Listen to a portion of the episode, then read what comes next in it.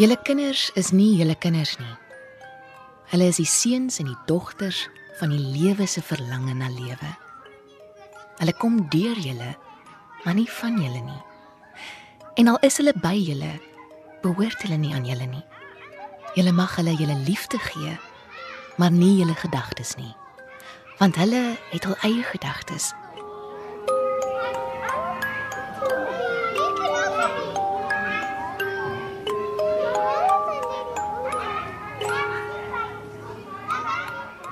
Ek het spesifiek die afgelope 2 jaar meer statutêre maatskaplike werk gedoen wat meer op die individu gefokus is. So dit sal wees waar ons 'n uh, kind gaan help wat sorgbehoevend is waar ons dan die kind moet beveilig en ondersteun en dan sluit dit die stelsel in rondom die kind. Dit sal die gesin wees of die skool of die familie, uitgebreide familie. Jong, dit klink asof 'n maatskaplike werker baie regte het, maar ons het 'n ongelooflike kinderwet. Suid-Afrika het 'n regtig 'n fantastiese kinderwet wat voorsiening maak om werklik kinders te beskerm, kinders en gesinne te beskerm. Die maatskaplike werker is een van die professionele persone wat basies kan help met die beveiliging van 'n kind. Sou dit werklik nodig wees om 'n kind te verwyder, dan uh, reik 'n statutêre maatskaplike werker 'n vorm 36 uit wat basies is waar jy instruksie gee dat die kind verwyder word en dan moet 'n hofprosedure binne 48 uur plaasvind om te sê waarom die kind verwyder is, die kind moet verskyn en hopelik afhangend van die omstandighede dan ook die ouers moet dan in die hof verskyn. Maar jy kan nie net net 'n kind instap en 'n kind verwyder nie. Dis nie so eenvoudig soos dit nie. Ek dink in elk geval is dit belangriker om te kyk wat kan jy doen voordat jy 'n kind verwyder? Want as jy met twee keer harder werk om die kind terug te plaas. So 'n verwydering gaan werklik waar jou laaste uitsonderlike opsie wees. Marley Venter, 'n statutêre maatskaplike werkster van Johannesburg. Ou Aces Haven is 'n kinderhuis in Johannesburg. Daar is twee huise waar die kinders woon. Monica Grobler is die maatskaplike werkster by Ou Aces Haven en gee meer agtergrond oor die organisasie en die kinders wat daar woon. By ons een huis is dit net meisies en dan by ons ander huis is dit seuns. So ons het twee huise en op die oomblik is ons in kapasiteit, so is dit 10 10 op die oomblik per huis en hulle range van 3 maande tot 19 jaar. En ja, so die 19-jarige is al hier al hele lewe en het vlere jaar matriek klaar gemaak. Maar wat die ander een het ons nou net gekry, die 3 maande ou seentjie. Ja, en hulle stories verskil maar van orphaned wees versus abused kom van verskillende backgrounds. Ons sien meer dat kinders meer weggeneem word as gevolg van abuse. En ons eintlik minder reg, so ek dink ons het dalk 3 weeskinders wat eintlik wees weeskinders is. Al al die ander is weggeneem as gevolg van neglect of abuse. Dis net meer die trend lately. Kindermishandeling.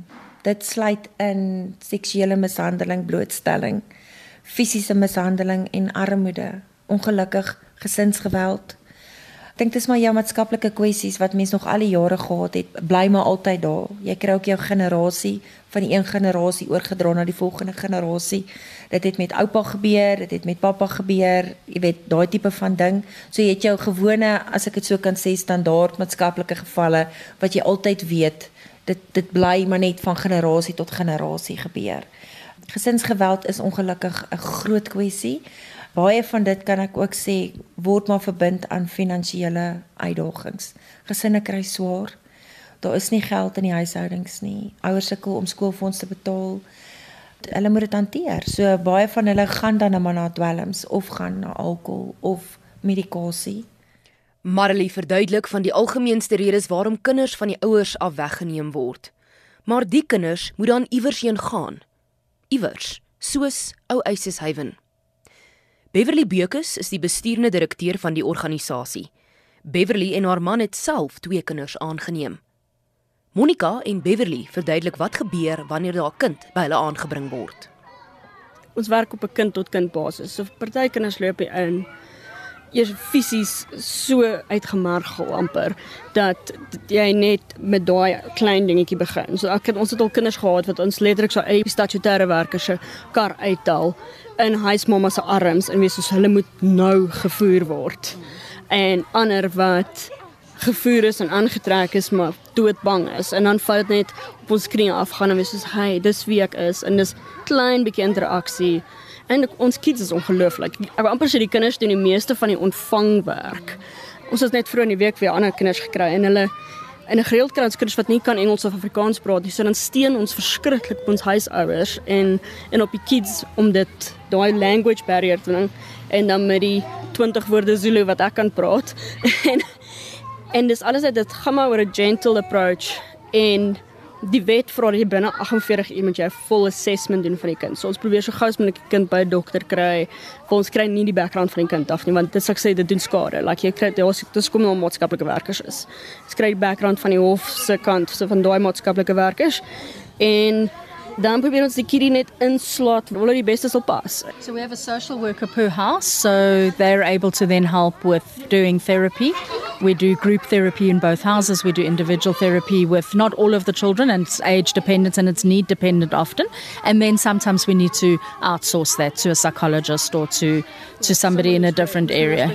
We try to meet those needs. If they need OT, physio, speech therapy, you know, there's a million therapies. They need to go have their teeth checked, their eyes checked. All of that happens, and then we meet the need as we need to.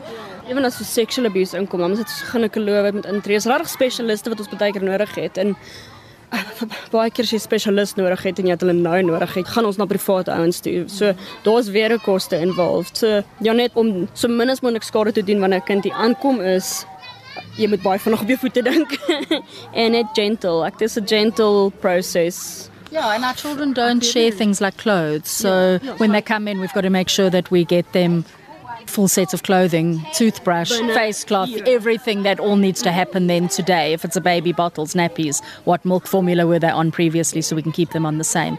So it's just looking at what does this child need. It's a very child-centered approach. We look at what does he need and then we kind of pull in all our resources to meet those needs.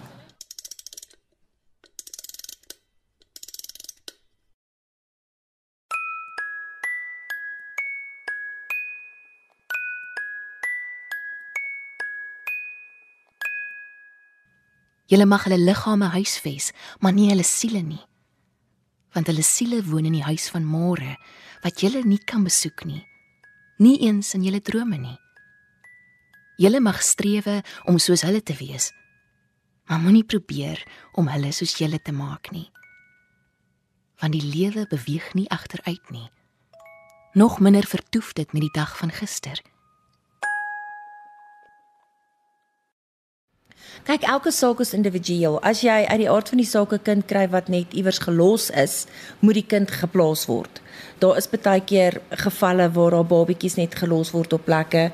Die polisie laat weet ons en dan moet die kind verwyder word want ek bedoel jy kan nie die kind daar los nie. So daai kind sal onmiddellik beveilig word. Daar word nog steeds 'n vorm 36 uitgereik, daar word hofprosedures gevolg, maar 'n plek van veiligheid is jou eerste stop. Die kind moet onmiddellik by 'n plek geplaas word om die kind te beveilig. Dan sal daar ondersoek ingerig word en jy weet om te bepaal is die kind werklik verlate, was daar mensenhandel betrokke, is die kind in nood. So elke omstandighede is anders, maar 'n ondersoek moet daar altyd gehou word as dit byvoorbeeld 'n kind is wat in haaglike huislike omstandighede is, moet daar eers na die huis gegaan word. Daar moet eers met die betrokke mense gesels word, die familie, die skool. So jy weet jy doen 'n ondersoek met die hele stelsel, sover as wat jy moontlik kan, maar elke kind se omstandigheid is anders. Mense dink 'n maatskaplike werker stap net in 'n verwyderde kind dis nie noodwendig hoe dit werk nie. Mense moet werklik waar eers seker wees dat daar omstandighede is wat ondersoek moet word. Sou die skool ons kontak met 'n noodgeval, gaan ons so vinnig as moontlik uit, het die nodige onderhoude met die kinders en kry die ouers in en dit moet werklik waar noodsaaklike omstandighede wees om die kind op daardie oomblik te verwyder. Margaret Bowles is 'n speelterapeut by Childline in Johannesburg. Kinders van alle ouderdomme word na haar toe gebring vir terapie. Margaret verduidelik hoe die rehabilitasieproses begin. Eerstens moet ek begin om 'n relationship met die kind op te bou. Anders sal die kind nie praat nie. Hy hy of sy sal baie skrikkerig wees en ook bang wees om te praat so ons bult rapport, dis wat ons noem maak die kind gemaklik voel met my. Wanneer die kind nou verwyder word van die ouer huis, dan word die kind in pleegsorg geplaas. So Pleegsorgouers het ook die vermoë om die kind veilig te laat voel. So dan sal die pleegouer die kind dan bring na my toe. Maar dit gaan dieselfde proses wees waar ek nou die kind gemaklik laat voel. Ons speel byvoorbeeld allerlei speletjies of speel saam met met speelgoed of legkaarte, puzzles. So raak die kind nou gewoond aan my as die terapeut as 'n derde persoon in hom of haar lewe net deur te speel vir alle 3-jarige kind, jy weet terwyl ons nou speel, dan sal ons nou bietjie gesels daaroor. Vertel my bietjie meer van jou. Waarvan hou jy? Uh, wat is vrugte hou jy van watter kos? Dit is alles om die kind gemaklik te laat voel en dit werk soos 'n bomkristel. Jy weet dan voel die kind nou sommer veilig, hier's iemand wat belangstel. En alles is genuine. Jy weet is nie aangeplak nie. Want as 'n terapeut is, as ek natuurlik opgelei om kinders te help om veilig te voel. Ja, plek van veiligheid is 'n korttermynplossing. Dit is uh, baie keer wanneer ons besig is nog met 'n ondersoek. Soos ek gesê het, jy kan nie dadelik bepaal maar daai kind permanent verwyder word of nie. En baie keer is die omstandighede so by die huis dat jy dit kan verander of jy kan 'n gesin ondersteun sodat die kind weer teruggeplaas word. Of daar's 'n persoon wat net verwyder moet word uit die huis uit, 'n volwassene wat dit veiliger maak vir die kind om terug te gaan, as ek dit so kan stel. So die die meer permanente plasings is jou pleegsorgplasings is 'n minimum van 2 jaar. Dit kan ook vroeër wees sou die gesin vinniger op hulle voete kom en vinniger herstel, maar is is 'n minimum van 2 jaar en dit kan wees tot 18 jaar. Die meeste howe wil maar elke 2 jaar 'n verlenging hê. Wat dit beteken is ons werk altyd na gesinshereniging toe. So elke 2 jaar moet jy vir die hof kan verduidelik en sê hierdie kind kan nie teruggaan nie as gevolg van hierdie redes of hierdie kind kan teruggaan en dis wat ons gedoen het om die kind terug te plaas. So dis baie keer hoekom jy uh, verskillende maatskaplike werkers op een saak het. Die een sal meer werk aan die pleegsorgkant, pleegsorgtoesigdienste en die ander een sal meer aan die rekonstruksiekant werk. Met ander woorde aan die ouers se kant om die kind weer terug te plaas. En dis hoekom 'n meer permanente plasing sal wees aan 2 jaar of meer. Ons wil nie noodwendig kinders in plek van veiligheid in limbo hê, as ek dit so kan sê nie, want baie van hierdie plekke het nie noodwendig terapeutiese intervensie. Baie van hierdie kinders het nodig om terapeute te sien. Hulle het nodig om 'n pad te stap. Hulle het nodig om in 'n skool vir 'n lang genoeg tyd te wees om vir hulle stabiliteit te gee. Waar 'n permanente plasing is meer stabiel. Maar om vas te stel of die kind in 'n permanente plasing moet wees, moet jy ongelukkig eers 'n plek van veiligheid doen. Dit kan ook die vraag antwoord van kinderhuis groot word versus aanneming.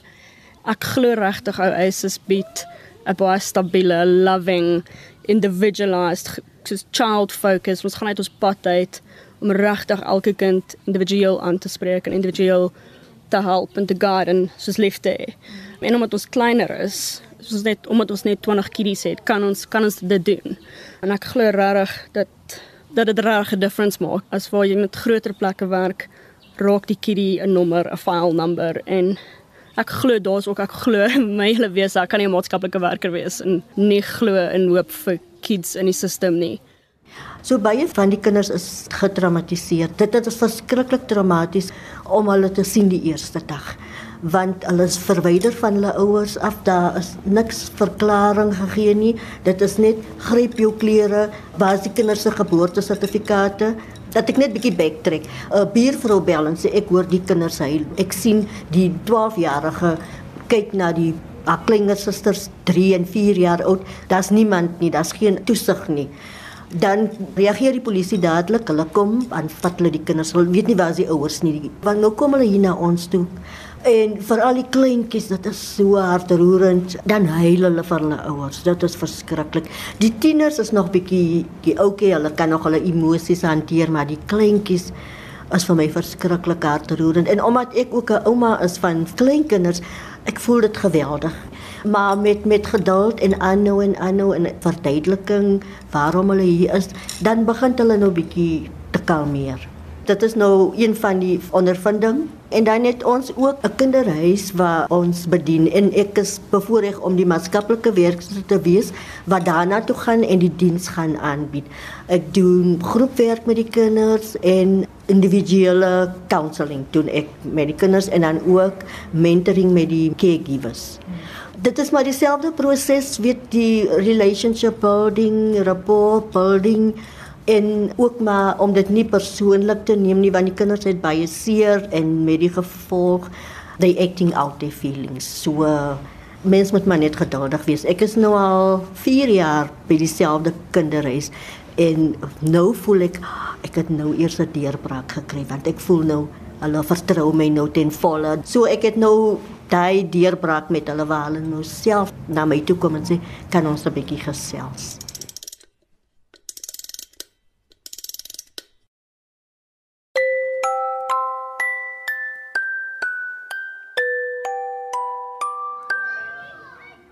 Want die lewe beweeg nie agteruit nie. Nog minder vertoef dit met die dag van gister. Julle is die boë waaruit julle kinders soos lewende pile geskiet word.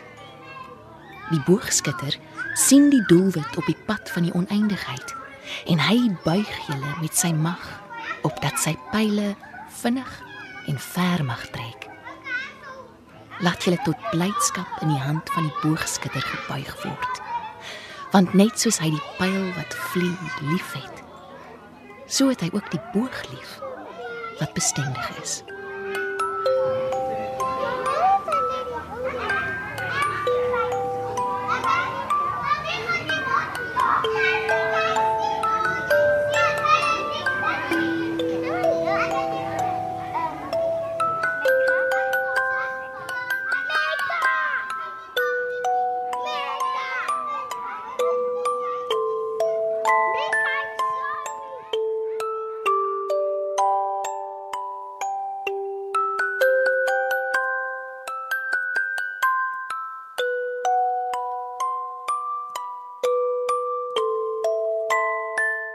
Die kinders wat ek al so moes verwyder het, het ek eers met die ouers 'n gesprek gehad en gesê luisterie, dis waartoe ek nou gaan. In die gevalle kon die pa nie saam gegaan het nie want die pa was die probleem. So dan het ek vir die ma gesê ek sal terugkom na jou toe. Ek gaan vir jou sê waar ek die kind geplaas het. Ek het dan ook vir die kind gesê dis wat ek nou gaan doen. So ek sê eers vir almal wat ek gaan doen voordat ek dit doen. En dan wanneer ek die kind plaas, dan gee ek die inligting deur aan die ma afhangende van die reëls van waar die kind geplaas is sodat daar weer kontak kan wees, sodat die kind nie heeltemal net afgesny is van die samelewing nie. Maar dan sou daar dan byvoorbeeld as die pa byvoorbeeld die 'n probleem was en ons wil graag dan kontak tussen pa en kind hê, dan sal dit onder supervisie wees. So die gesin moet net weet wat is die proses en wat gaan aan en waar presies is die kind. Maar dis regtig uitsonderlike gevalle en jy moet regtig baie seker wees van waarom jy dit sou doen. Hoekom jy kind onmiddellik sal verwyder. Gewoonlik is daar 'n proses vooraf en daar moet baie goeie redes wees. Ons is ongelukkig in 'n in 'n samelewing waar toesig en beheer by egskeidingssake word of ongelukkig valse aantuigings gemaak. So ek sal nie sommer net as iemand sê my man het dit gedoen of my vrou het dit gedoen. Jy gaan nie sommer net reageer op daarop nie. Jy sal eers gesprekke met almal hê voordat daar enige iets gebeur. Jy gaan nie net sommer 'n kind verwyder nie. Ja, as jy lanktermyn 'n kind by ons klaarmaak, so op 18 en op tyd kan ons kan hulle vat tot 21 volgens die wet, maar op 21 moet hulle uit die stelsel uit wees en as jy nou vandag so so Suid-Afrika se socio-economic the status kyk is hoeveel 21 jariges kan op hulle eie survive en kan kompleet kan dit te werk en dit en stabiel. So 'n kind wat in 'n kinderhuis groot word en niemand daarbuiten het net nêrens om te gaan nie. As wat 'n kindie wat aangeneem is, het het familie en het familie vir lewe. Maar dit hang ook af hoe daai aanneming gaan en so dit is maar soos baie gesê, dit is 'n case by case basis. By Sunlight Safe House het ons ook 'n gereeld vergaderings uh, eenmal 'n maand waar die pleegouers ook opgelei word. En hulle word ook geleer, kyk die kind is nie by jou vir ewig nie, die kind moet teruggaan na die familie toe. Die wet vereis dit. So dan word die pleegouers, hulle word ook gehelp met disengagement om te disengage van die kind en afstand te doen wat ook baie traumatic is vir die kind en die pleegouer. Want hier kry jy 'n kind wat in pleegsorg is vir maybe 10 jaar en die pleegouer en haar gesin het so geheg geraak aan die kind want hulle woon in die huis in so dit is 'n familie wat nou moet afstand doen van 'n familielid. En sommige kinders vind dit moeilik om aan te pas by hulle biologiese ouers. We try very hard to get the schools just to treat our children as they do any other child. So I think teachers need to be aware that any children, they don't have to come from a children's home, could have experienced one of those things. And there needs to be a sensitivity towards that. But we don't want them going, oh, shame, this is the child from a child. It's okay, you didn't do your homework, it's fine, you're from a children's home. No, no, no, we want equal, equal treatment. treatment across the board. So that's what we request. And in fact, call teachers out when they've done things like, oh, come sit by my desk. I know you get anxious, you can do your maths here. like, no, is that only because she's from a children's home, or is it because that's what you would do for everybody in this class? Or can I buy her a Christmas present? Are you buying for the other children? If not, then no. Like she's just a normal child in your class. We don't want our children to grow up believing they're entitled or they're special or, because they've had a hard life. Because ja. die die realiteit is ook en dis is ons ons kids probeer leer. Ja, hulle is in 'n kinderhuis en ja, baie is unfair, maar weet jy wat?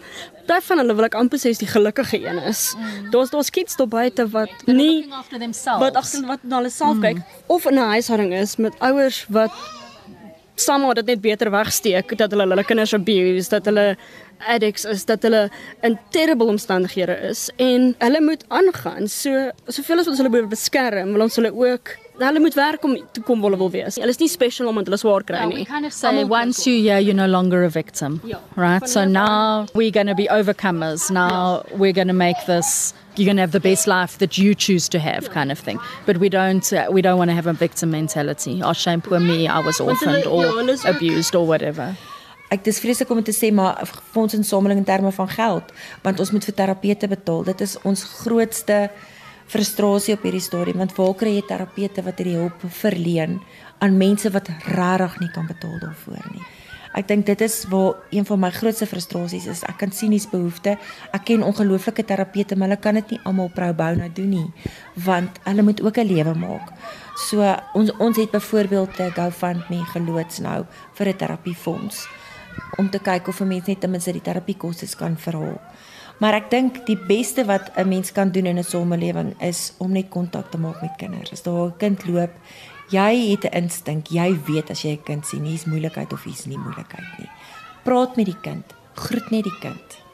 Ek dink ons samelewing is so op hulle selfone en op ander goed ingeskakel. Ons sien nie meer die nood om ons raak nie is dit so moeilik om iemand net te groet. Is dit so moeilik om oogkontak te maak? Want as daai kind veilig voel en weer ons iemand wat eintlik omgee vir my, gaan hulle baie makliker uitreik. Christel, ek sou sê dat wanneer bure hoor kinders word mishandel, die kind huil aanhoudend of die sê hoor die maas verskree op die kind of vloek die kind of sy hoor die kind word geslaan.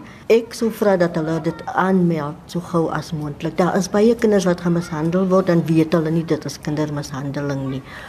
En ek sou sê die gemeenskap moet regtig uitkyk vir die kinders want kinders is hulpeloos. Hulle nodig hulp. Hulle nodig dat die gemeenskap hulle moet beskerm. So as ons die gemeenskap kan bewus maak dat dit is noodsaaklik dat hulle kan inbel en die polisie bel of 'n childline bel of Johannesburg kindersorg bel of maatskaplike ontwikkeling bel en sê kom kyk net asseblief. Ons sal dit baie waardeer want daar is nog baie meer kinders wat gemishandel word en jy weet daar is in sekere gemeenskappe is die gemeenskap baie beskermend dit het ek nou opgelet. Dan is daar ander gemeenskappe wat net nie omgee nie. Hulle sê is nie ons besigheid nie. Laat hulle maar toe sien. Maar dan sekere gemeenskappe, daar is mense wat uit is om kinders te beskerm. As al die gemeenskappe dit kan doen, sal dit regtig baie help.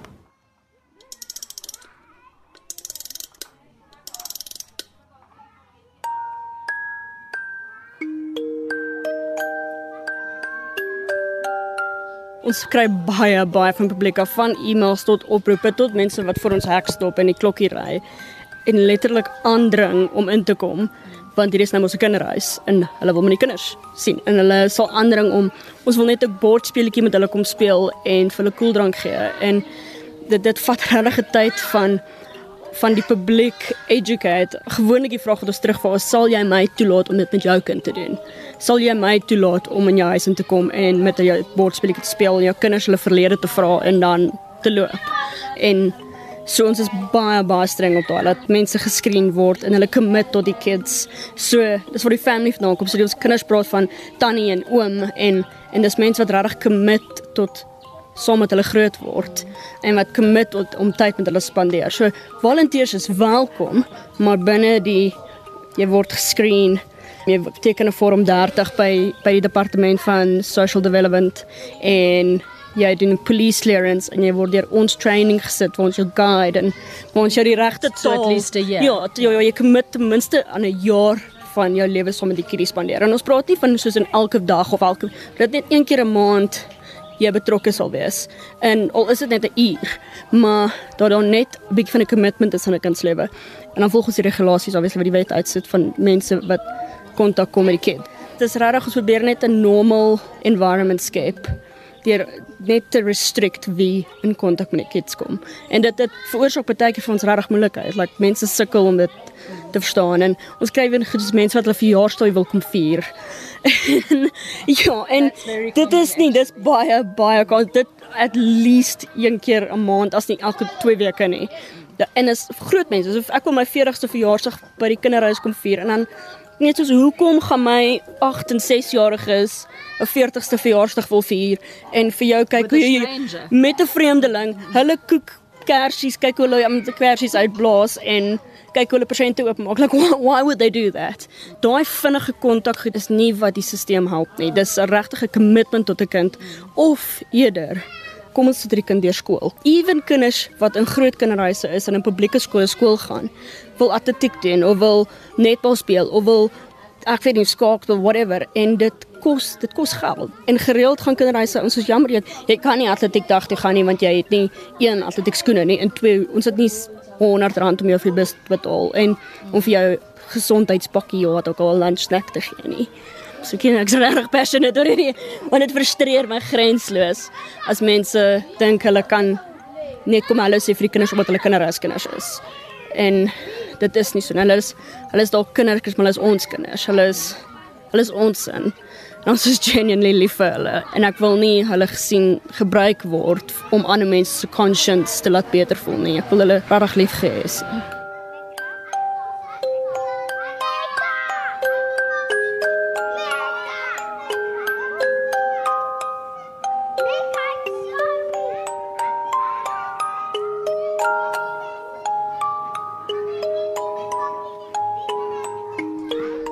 Spesiale dank aan Marley Venter, Monica Grobler, Beverly Bekus en Margaret Bowles vir hulle bydrae tot die dokumentêr. Die uittreksel van Khalil Gibran se Die Profeet is voorgeles deur Frida van den Heever, vertaal deur Louis Fourie en uitgegee deur Aramastor. Kinders van die Welfare, 'n dokumentêr deur Christel van Tonder.